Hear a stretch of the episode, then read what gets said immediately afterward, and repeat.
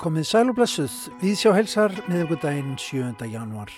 Listmálarinn Helen Frankenthaler, skaldsaga frá Mexiko, máttur laga og ljóða í gleði og sorg og Haruki Murakami í Víðsjá í dag. Í gær kom út á ennsku sagnasafnið First Person Singular. Fyrsta persóna eintölu eftir japanska réttuvundin Haruki Murakami.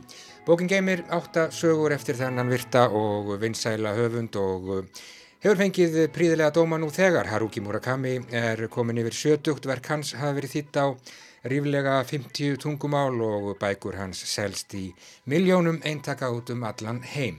Óttar Proppe, vestlunarstjóri bóksölu stúdenta, hann hefur lengi verið diggur lesandi verka Murakamis og við spyrjum hann í dag að þessu tilefni hvers konar höfundur er Haruki Murakami og hvers vegna er hann svona vinsæl? Við ætlum líki í þættinum að fjallum bandaríska listmálaran Helen Frankenthaler sem var ein af abstrakt expressionistunum sjókulluðu í listalífi bandaríkjana um miða síðustu öld en ný æfisaga er komin út um hana. Ólafur Teitur Guðnarsson, hann segir okkur að gefnu tilöfni frá því hvernig tekstar og lög Megasar hafa komið við sögu í lífi hans bæði í gleði og sorg en Megas á einmitt afmæli í dag, 7. apríl. Ólafur byrti á páskadag á netinu fallega frásögna því hvernig tekstar og tónlist Megasar hafa skipt hann máli á mikilvægum tímapunktum í hans lífi meirum það hér rétt á eftir. Og Gauti Kristmansson, bókmyndagagreinandi viðsjárfjallar í dag um skáldsöguna ef við værum á venjulegum stað eftir meksikóska rittumundin Juan Pablo Villalobos sem komin út í íslenski þýðingu Jóns Hals Stefánssonar. En við byrjum nákvæmlega svona.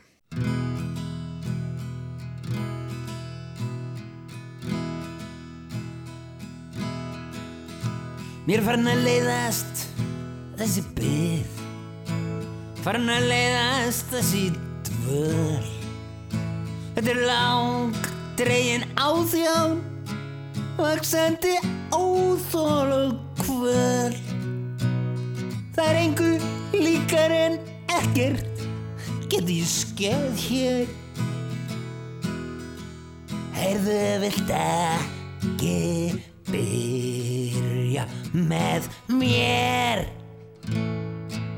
Herðu vilt ekki byrja með mér?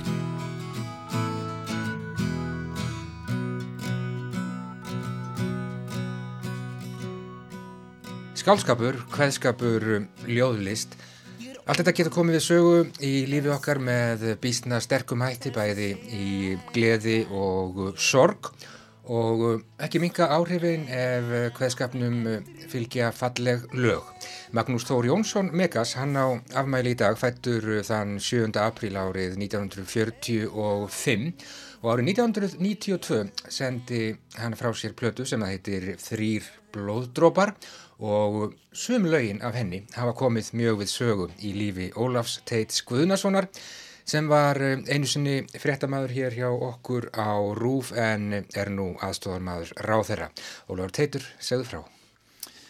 Já, þannig mál með vexti að fyrir nokkurnu veginn tveimur árum síðan þá uh, lést einkona mín, Engilbjörn Öðunstóttir úr hjartabolgu eftir fimm vikna sjúkrarlegu í Gautaborg í Svíþjóð og, og það eru sem sagt tvö ár liðin síðan frá því og í haust síðastlið þá fór ég að taka saman frásögn um þessa atbyrði hennar veikindi uh, minn missi og uh, svona hugleðingar um lífi og tilveruna sem að því tengjast.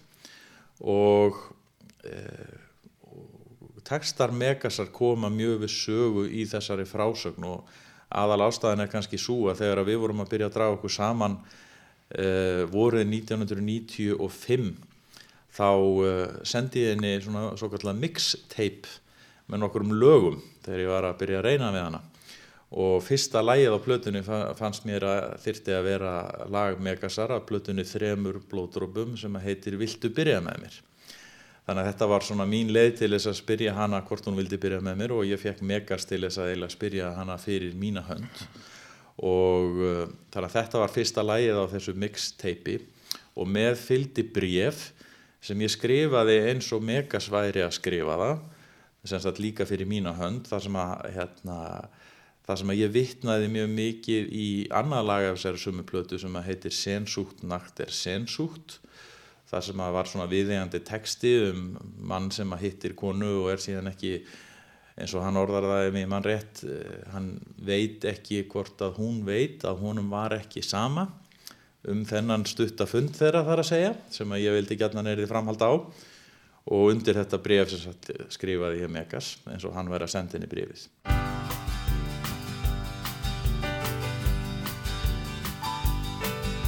Hann þekkt hana þegar upp var staðið alls ekki neitt.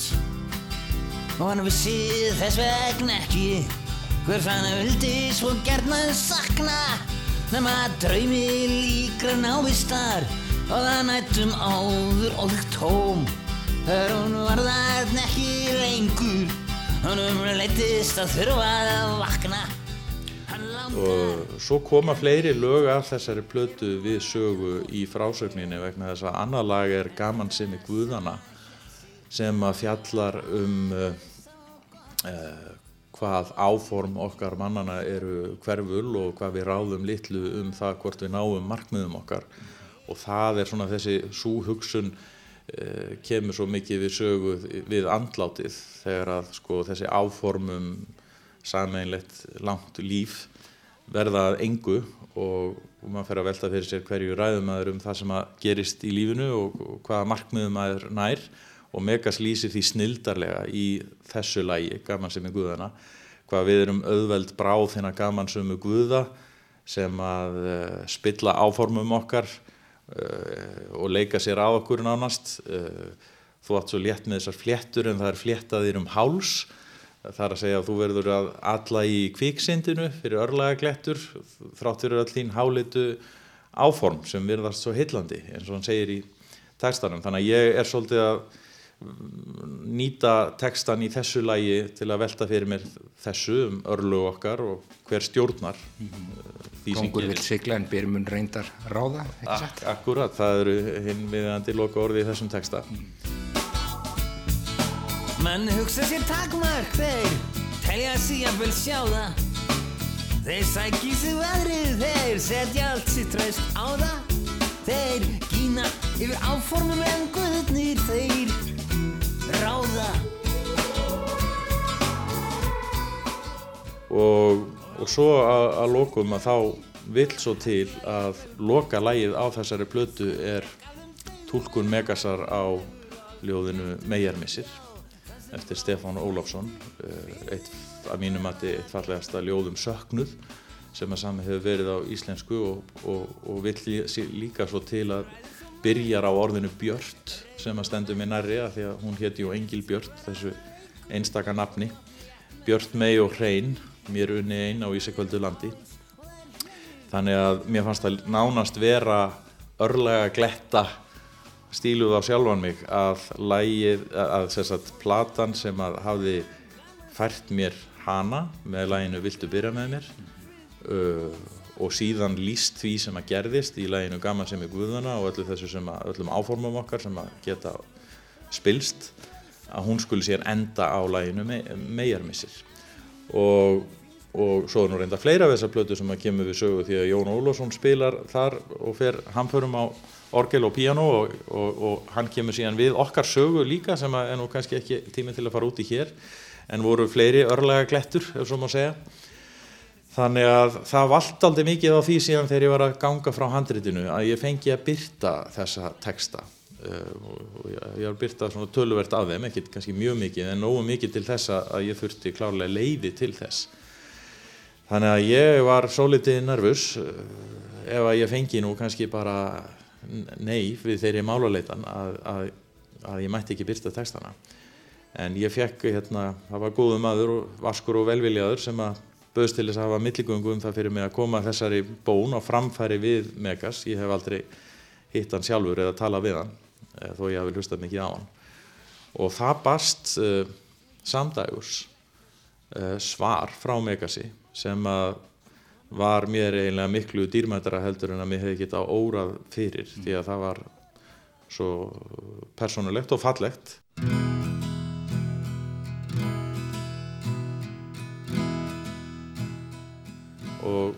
Þú ert með það? ég er með það hérna og væri kannski bara við hæfið að lesa það hér á, á þessum degi og svarið er svona Það er hugulegt að vita til þess að þú skulur geta gert þér einhvert gagn úr þessum textum sem vissulega eru sprotnir af gaman sem í guðana. En vegir kýmningáu guðana eru órannsakanlegir svo maður verður að næra sig með brotum einum og sjúa úr þeim merkinguna. Ég þarf ekki að taka það fram en þér er auðvitað leiðilegt að nota þessa línur í prentuðu máliða vild og það gildir í apframt um fleira sem þú mögulega rekst á og er merkingarbært fyrir þér. Ég harma missi þinn en dáist á aðferð þinni við að vinna úr honum. Gangi ykkur feðgum vel, Vivi Megas. Fallegt.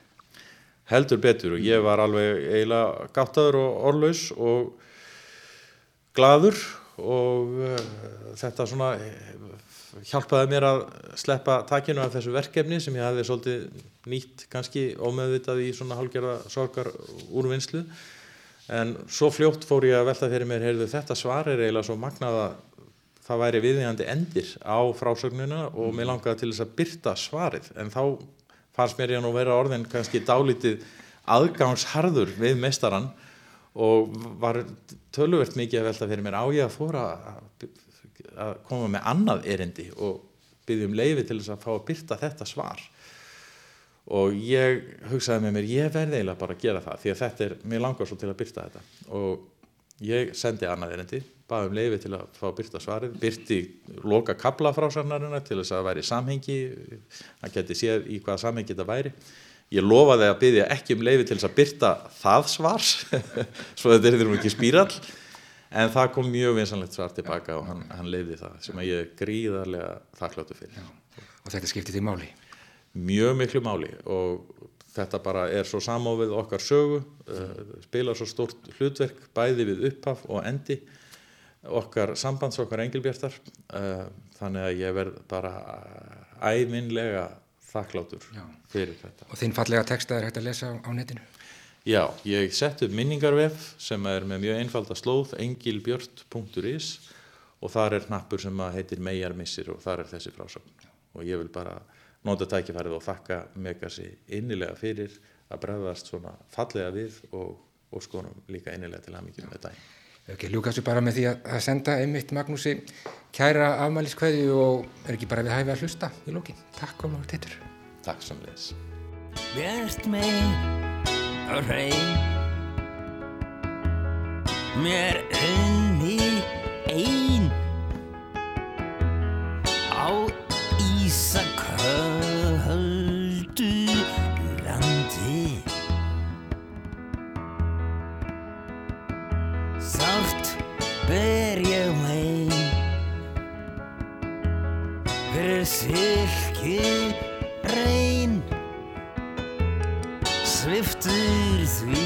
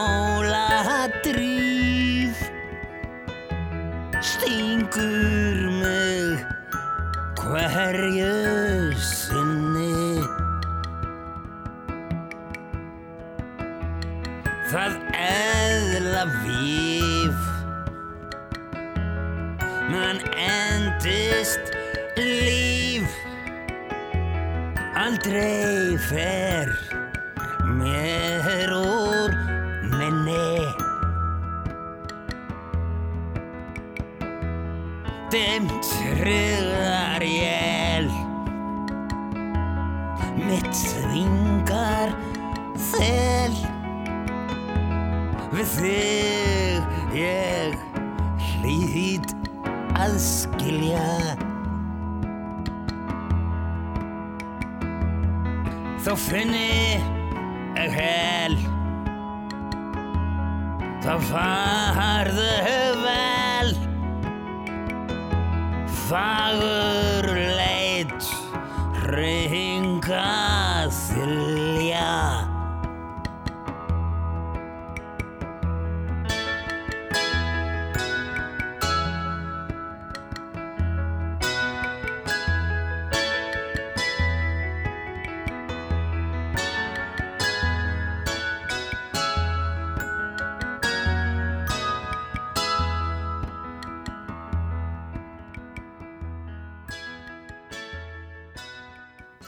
Já, Björn og Reyn, Meyjar missir, Megas og ljóðið fallega eftir 17. aldarskáldið Sýra Stefán Ólafsson í Vallanesi.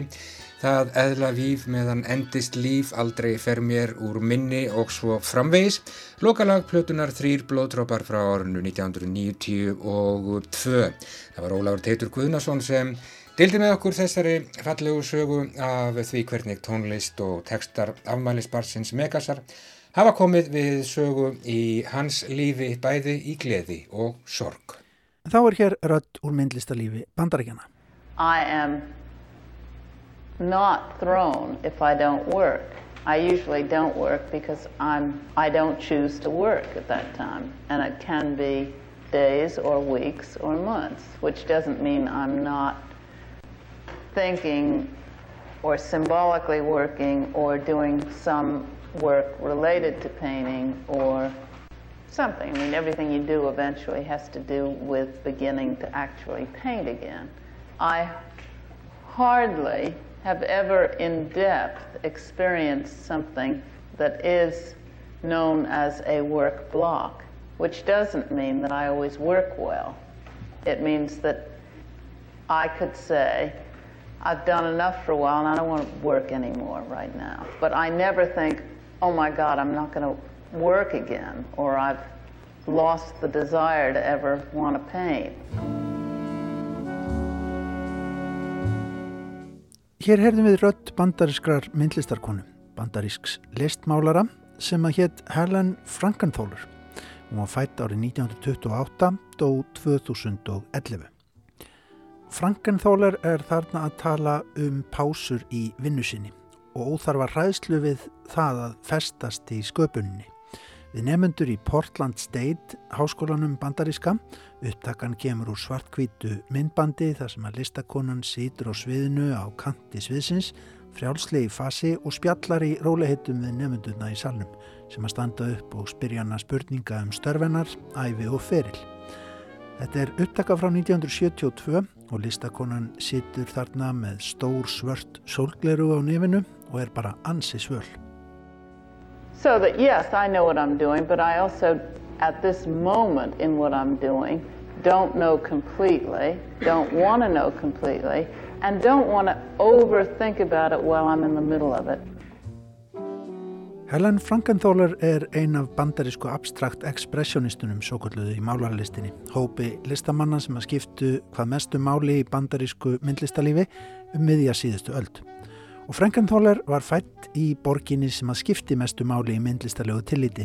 Fættin í efnaða fjölskyldu Gýðinga og Upper East Side í New York, fadir hennar dómari við hæstarétt New York fylgis. Fjölskyldan var í forréttindastöðu og uppeldið eftir því menningarlegt og framsækið í bandarísku tilliti.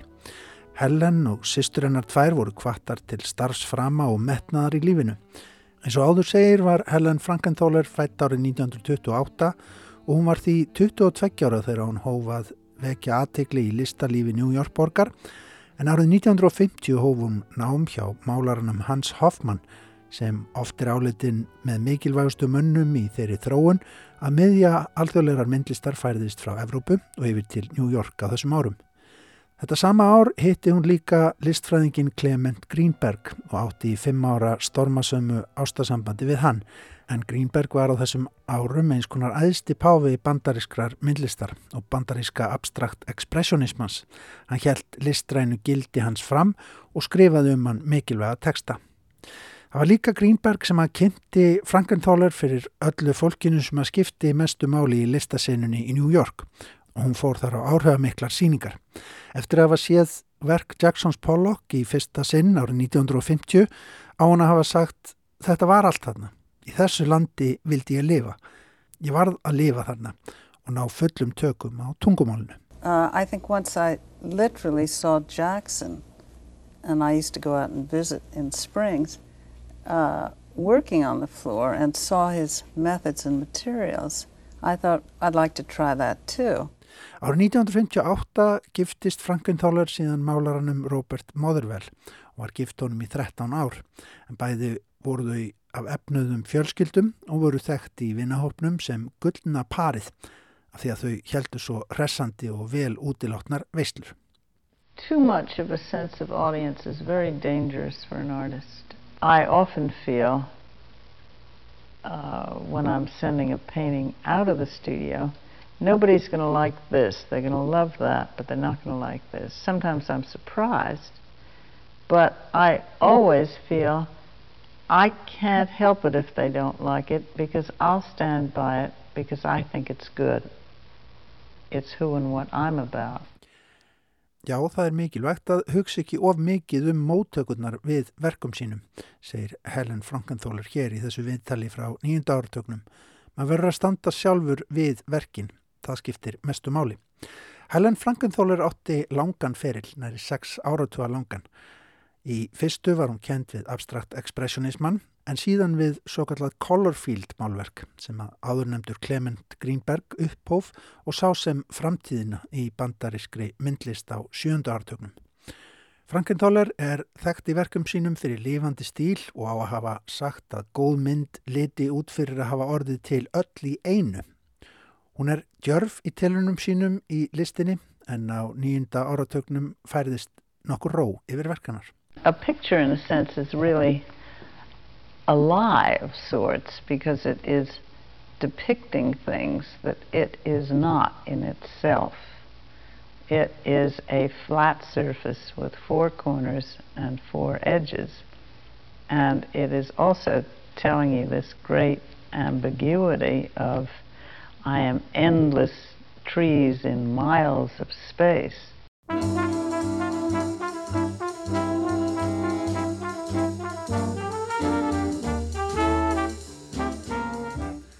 Hér talaði Helen Frankenthaler aðeins um afstæði myndflatarins sem er jú yfirleitt bara flötur með fjórum hornum en getur bóðið upp á endalösa dýft og rými ef úti það er farið.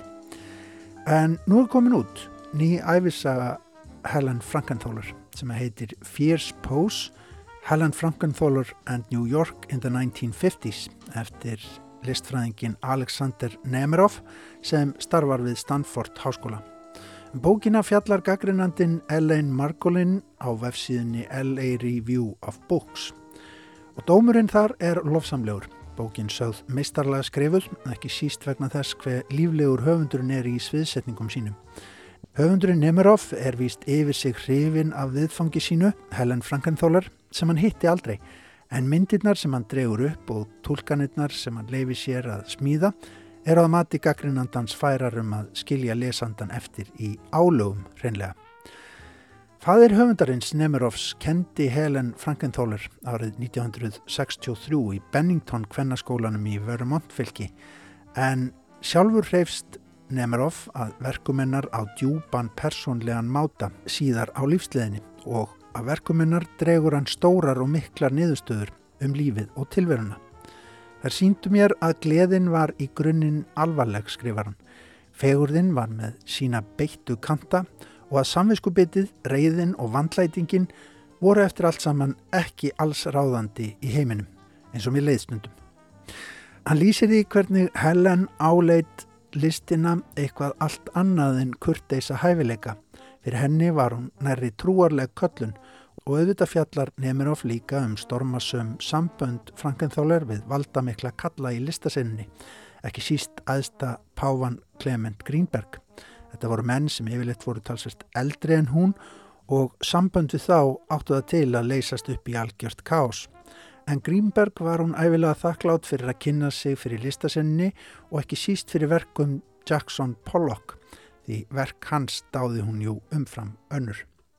En höfundurinn Alexander Nemiroff dregur heldur ekkit undan í umfjöllun sinni um Helen Frankenthaler þó hann sé vissulega hrifin aðinni.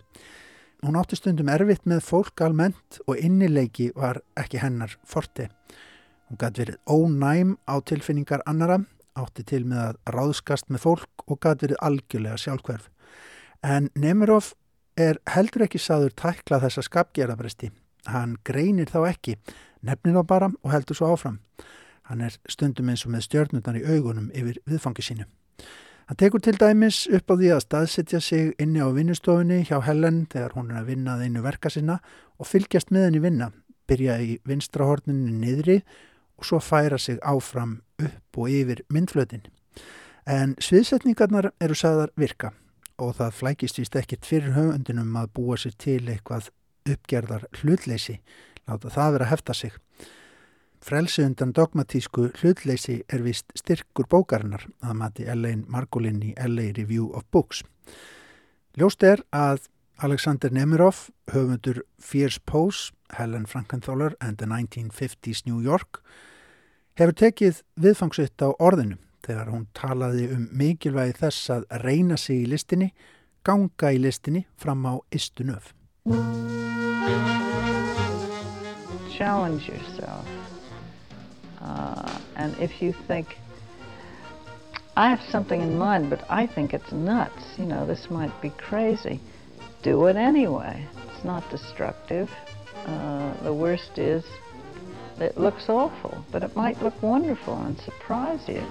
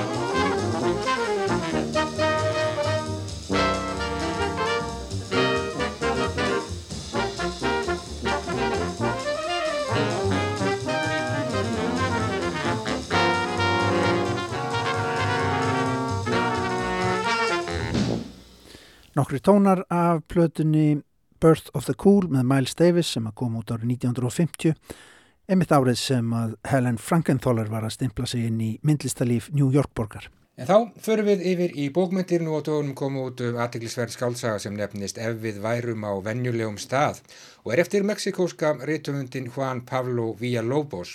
Þýðinguna gerði Jón Hallur Stefánsson. Þetta er skálkasaga um spilta pólitikusa, stórar fjölskyldur og hvað það þýðir að tilhera millistjætti í Meksikó. Áður hefur komið út eftir sama höfund á íslensku bókin Veistla í Greninu árið 2017 en bóksalar völdu hana bestu þýttu bókina það árið. Gauti Kristmansson, hann er búin að lesa nýju bókina og við skulum heyra hvað hann hefur að segja um hana. Til er á þýsku orðið nestbösmútsar sem þýðamætti sem hreyður spillir en það er notað um þann sem talar illa um eigin hóp, fjölskyldu, bæjarfélag eða þjóð. Þetta er neikvægt hugtak og aðfæri hreyðurspillisins oftast nær illa séðar af þeim sem hagsmun eiga gæta í viðkomandi hreyðri og oft hefur farið illa fyrir þeim sem þetta yfka, þó það sé kannski aðeins gaggríni á ástand sem þurfið að bæta. Við þekkjum dæmi hér á landi líka. En hvað ef hreyðrið er hreinlega orðið ónýtt og ekkert lengur hægt að gera til að bæta það, þótt að sé enn fyrir hendi á einhvern fyrðulegan hátt, gegn sírt af spillingu og glæpum. Þá er háðið kannski síðast á opnið, snúið jafnvel upp í absurdískan surrealisma, þannig að undan svíði fyrir hreyðurkonga. Þannig finnst mér málið aldrei vaksið í þessari skáltsögu, ef við værum á venjulegum stað, eftir mexikoska rittöfundin Juan Pablo Villalobos, sem er einhverju leiti þroskasaga ungs mexikosks pilts sem ber það skáldlega nafn Orestes. Sistkinni hans sex ber einnig nöfn úr forn grískri menningu, líkast til vegna þess að fadir þeirra er framhaldsskóla kennri og metur þessa arfleð vesturlanda. En líklega er þó verið að hækka íróníunum eitt stig enn, því fjölskyldan sem hér er undir er vægast sagt nokkuð sérkennileg og býr við fátaktarmörkin, þrátt fyrir starf föðurins. Sagan er kvöldu skálkasaga, píkaresk saga af þýðandanum Jóni Halli Stefánsinni, í upplýsandi eftirmála þar sem hann fer yfir sögun og þýðingu sína á henni í stuttu og greina góðu máli. Það má vissulega til sannsvegar færa, en höfundurinn leitar víðar fanga, kannski fremur til að bæta við satírun og íroníuna sem drýpur af henni eins og síróp úr skeið. Dæmi um það er kannski töfraraunsæðið sem bregður fyrir í tveimur köplum sem verður svo surrealist að það snýst upp í andkverfi sína. Höfundurinn er líka forvetnilegu maður, lærði fyrst markasfræði en þegar hann hóf starfið það reys honum hugur við leiðindunum sem því starfið fyldu og hann fór í bókmyndafræði og skrifaði lóks doktorsritgerið í fæi við háskólan í Barcelona, þar sem hann býr núna. Skáldsögum hans hefur verið veltekið erlendis sem hérlendis en gerðu var góðu rómur á fyrstu sögu hans veistlu í greininu í þýðingu Maríu Ránar Guðjónsdóttur.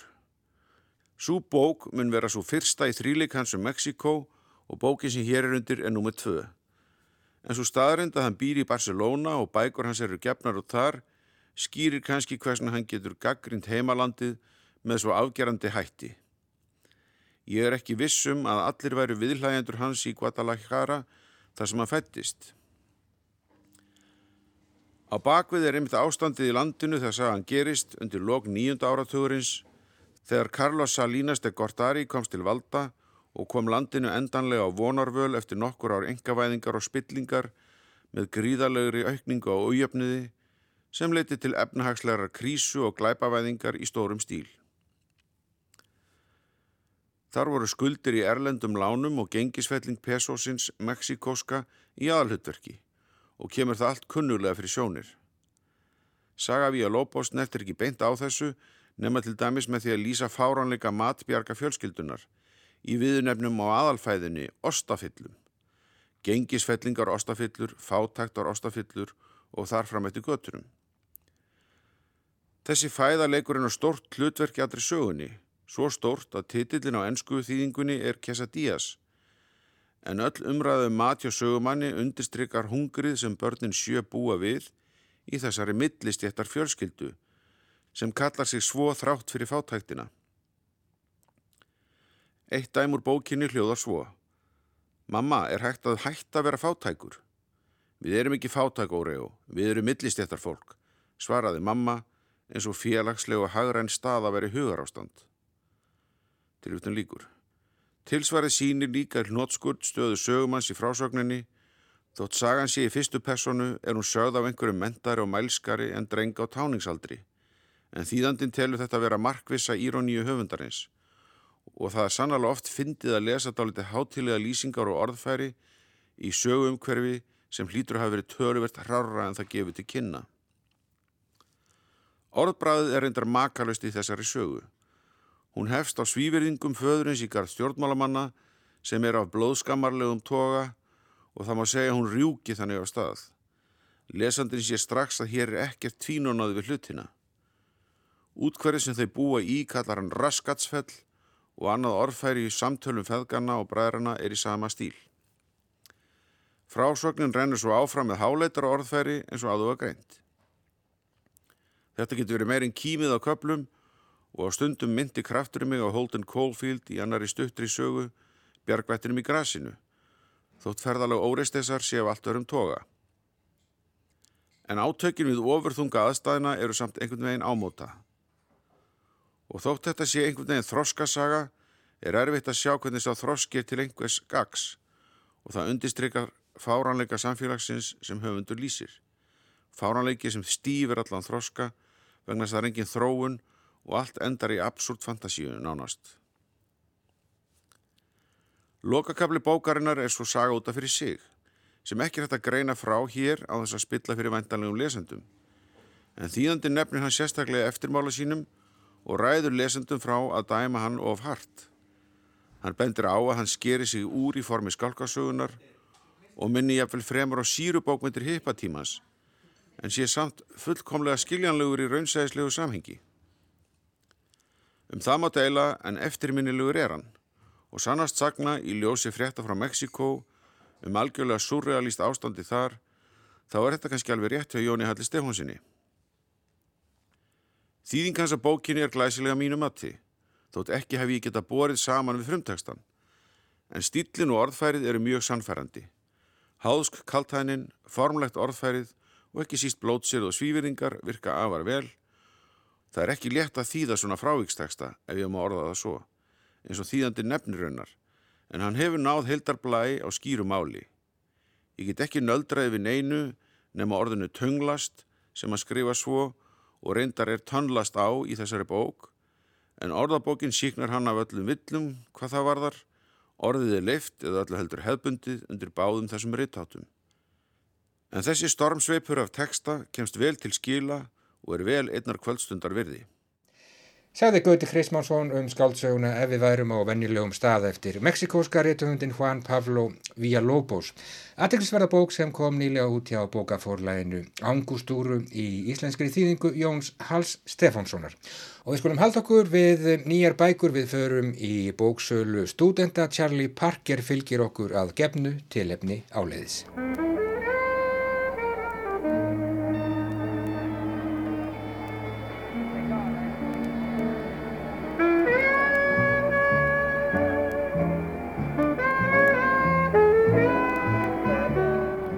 Að koma út bara í gær 7. apríl á ennsku ný bók eftir japanska réttuhundin Haruki Murakami hún heitir First Person Singular og þetta er sagna sapn, eh, átta sagna og eh, þessi bók hefur fengið bara príðilega dóma þar sem ég hef séð allavega um, í New York Times var til dæmis byrtur mjög lofsamlegur dómur í gær og menn bara ánæður með sinn mann heyrist mér.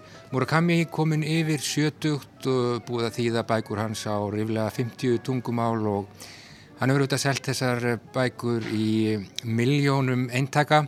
Gríðarlega vinsæl og virtur, uh, Óttar Proppe, þú uh, er diggur le lesandi Murakami, svo búin að lesa hann Uh, vel og lengi um, þú ert nú sannlega ekki komin með, með nýju bókina ekki frekar en ég en við langar bara til að nota tækifærið um, til að spyrja þig hvers vegna Murakami uh, hvað hefur heitlaði við Murakami gegnum tíðin og, og svona, hvers konar höfundur höfundur er hann í þínum huga? Já, takk, ég er nú ekki komið nýju bókina því miður, maður býð spentur eins og vennjulega mm -hmm. við lífum svona daldið eins og býtla aðdáðanda sem er alltaf að býða eftir nýju plötunni sko. hérna á meðan maður sko hlustar á konur plunnar aftur og aftur Já. hérna, hann Murakami er alltaf merkilegt fyrirbæri af því að hann er hérna hann hefur þessar gríðalögu vinsældir og hefur haldið um lengi og uh, á, á, á mjög diggan svona aðdáðandahóp, æstan aðdáðandahóp mm -hmm. uh, sko Söpnuður? Já, eiginlega, sko, ég held að hættulegast sem að geti gerst sko, í svona hópi bókmænta unnunda væri að fara að hattmæla Murakami upphátt sko. og hann hefur einhver snert sem að verið tengjast mjög mörgum lesendum mm. og mjög ólíkum lesendum Já. og ég sem bóksali sko, hef upplifað það mjög stert að uh, þegar maður var að flytja inn bækurnar hans fyrst þá hafði hann yfir sér svona yfirbragð að vera ungur höfundur nýr. Uh, hann var exotískur frá Japan og var að skrifa samt um popkultúr og hann höfðaði aðalega allir yngri liðsönda en svo hefur þetta breyst og núna finnst mér einhvern veginn að hann auðvitað hafa orginal aðdáðandurnir elst. Við erum alltaf miðaldra sko sem vorum krakkar þegar hann byrjaði.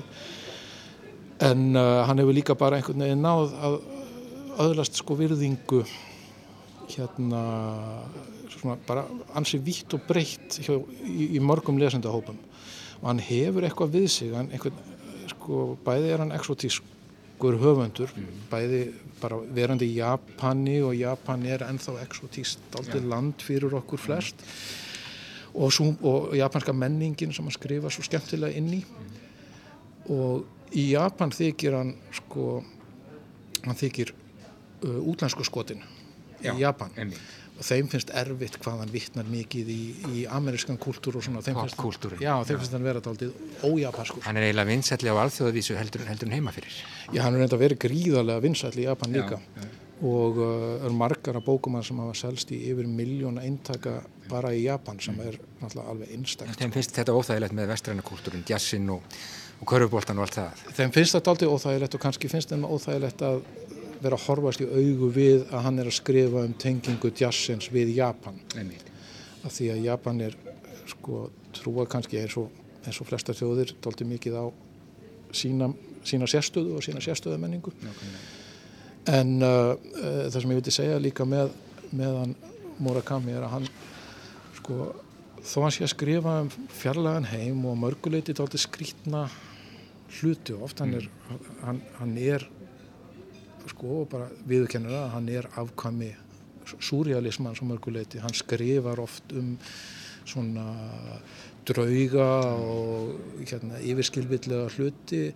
Hann er tengdur vísindaskáldsugðun á mörguleiti en hann gerir það á aðgengilegan máta einhvern veginn. Og eins og í IQ 84 uh, bókinni Stóru sem er nú hvað vel á annað þúsund blasiður uh, að sko að það er eitthvað stórkostlega mikið að gerast og tvö tungli í himnunum sem hefur mikil áhrif á söguna. En einhvern veginn þá uh, sko trublar það ekki lesendur sem að myndu aldrei láta sjá sig með vísindaskáldsögu. Það er, er þessi tótt sem að hann hefur og já, sannlega förður í hans uh, bókum um, kannski töfrarönnsæði ekki rétta orðið en já, til dæmis í þessari nýju bók þar er, þar er, segir meðal hans frá ABBA sem að fer um undirheima Tókjó og rænir nöfnum frá stelpum sem hann er, sem hann er skotin í, þetta er svona dæmigjörður Murakami einhvern veginn, en það er kannski bara þessi uh, tótt sem að Murakami hefur að það er, þetta er einhvern veginn alltaf dálítið gott kompani. Já, hann er sko kankvís Nákvæmlega. og uh, uh, sko ég held að það hafi áhrif á þetta hann, hann byrjaði sent að skrifa sjálfur og ætlaði aldrei að vera rítumundur hans fyrsta ást var tónlist og jazz og eftir að hafa flosnað upp úr, upp úr háskóla sko eftir háskóla uppreistinnar þannig kringum 70 að þá sko heldur hann ekki áfram í námi heldur hættir hann til þess að stopna jazzklúb og reka jazzklúb Fyrsta skáldsagan 79 held ég eitthvað svo leiðis. Já, eitthvað svoleiðis. Og svo, svo bara fær hann hugmyndum að skrifa skáldsögu um mann sem var eitthvað jazzklúb skiljiði. Og uh, hann, hann uh, sko kemur og skrifar uh, þó svo að hugmyndina séu oft sko daldi flippaðar og framandi. Og, uh, og, og, og típurnar að þá skrifar hann aðgenginan og, og auðmeltan texta Já. það, það hjálpar. Svo hitt líka, hann er fleiri en einn ritumundur Haruki Murakami er að minnst ástu þrýr eða fjórir borleggjandi aðskildi ritumundar Já. og ég sveiflast á milli þess að vera sko hrifnari af einum heldur en öðrum. Ég til dæmis núna undanfarið er hrifnastur af Haruki Murakami sem skrifar þessar löngu flóknu þúsund blaðsína bækur sem eru oft sko mjög flóknar flakka á milli sko uh, tíma og staða og jafnvel á milli vita Já. og ég, núna er ég í svona flippi að vera mjög hrifin á honum. Svo skrifar hann líka og þessi nýja bók, þetta eru sko smásugur og svona stuttir og jafnvel humorískir tekstar og svo er, er blíði eina romantíski Murakami sem að, sem að breytti flest hjörtu til að byrja með Já. sem að skrifa þessar einföldu Norwegian Wood. já, svona sjálfsæfisugulegar bækur sem að eru mjög gjarnan um, um ást Já. fyrstu ástina og æskuna og svona og eru mjög aðgengilegar og eru svona bara daldið þú veist, svona bara svona mýgri Kerouac bækur fyrir sem allir ætti að lesa á þeirra að vera átænóra, skiljiði. Nákvæmlega. Uh, þrýr höfundar segir þú í, í Murakami, ég, sko, mín upplifun af, af honum, ég, um, fyrsta bókin sem ég las eftir hann var, var upptrekti fuglin, Wind Up Bird Chronicle og ég hef eiginlega aldrei orðið jafn gladur með neina bók eftir hann, eftir ég sagt, kynntist þeirri bók og ég hef alltaf verið að reyna að líka reynslunni af lestri setni bóka hans við, við það um, en það er sennilega við mig að sagast ef ég hefði byrjað einhverju annari þá hefði ég sennilega haldið tryggðið hann Já, það er ekkert ólíklegt sko. Og Það eru mjög margir sem að lesa fyrst Norwegian Wood Já. og, og hérna uh, það er bækur sem eru stundum kendar við rottuna sem eru fyrstu bækurnar hans. Rottan er persóna sem er svona einhvers konar hérna svona andpersóna við hann sjálfan nákvæmlega og uh, það eru mjög einfaldar stuttar bækur. Urðu rosalega vinsalar og, en þær eru mjög romantískar og, og, og, og einlagar svona æsku frásagnir. Ég sjálfur las fyrst sko bókina um kindamannin Wild Sheep Chase sem er mjög hún er bara eins og David Lynch mynd tekin í Japan og, nema, og aðeins skrýtnari. Og hérna það, hérna það hefur áhrif á hvernig ég lesa hann sko. Nákvæmlega. Er hann nú vinstall til að fá Nobel-sölun?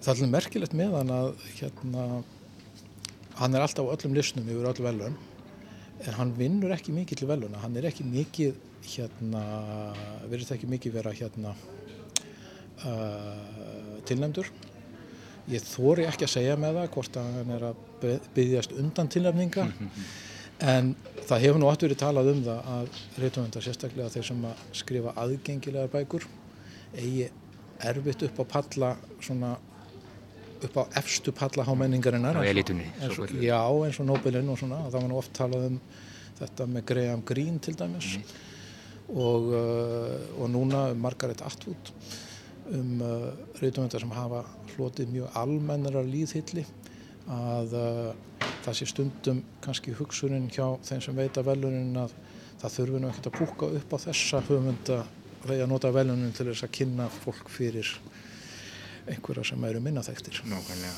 Maður fólksins. Já, eiginlega daldið sko. Eh, Það var fyndið þegar að Murakami kom til Íslands og var gestur bókmæntaháttíðar uh, Fyrir löngu. fyrir, já, 2003 eða 5 2003 eða mann rétt. Uh, þá það, var mjög sjálfgæft að, að uh, hann myndi þykja búað á, á bókmæntaháttíð hann gerir mjög lítið af því og kemur lítið fram ofinbarlega og segir að það trubli bara sína vinnu. Hann vil bara sitja og skrifa.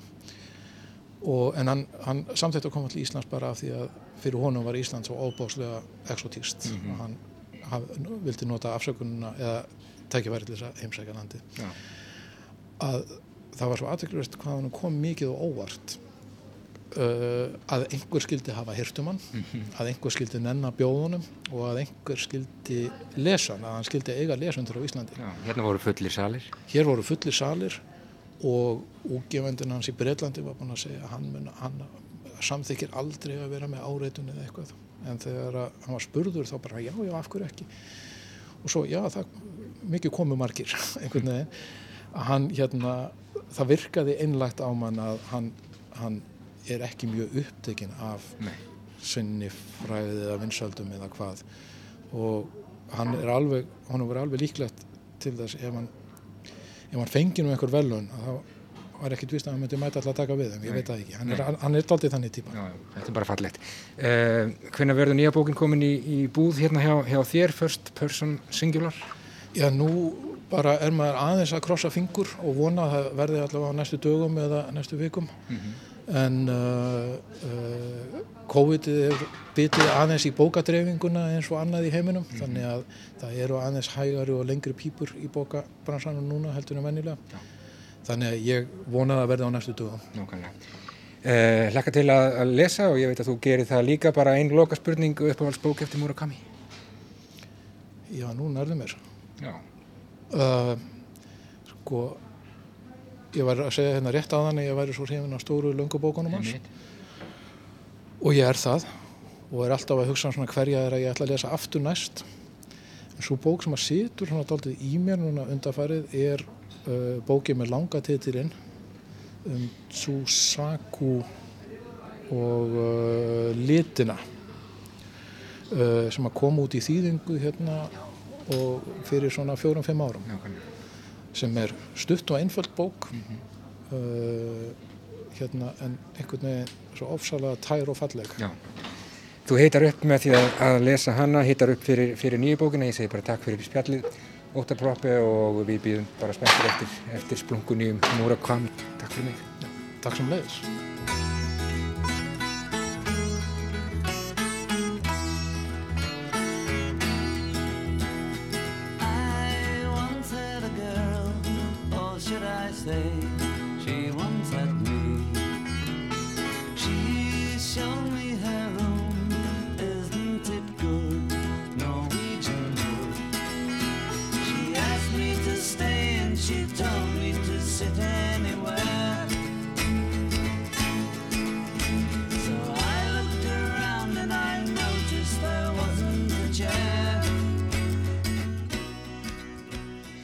Já, smá bítlatónlist hér í lokin fyrir Haruki Murakami frá Japan, Norwegian Wood að sjálfsögðum.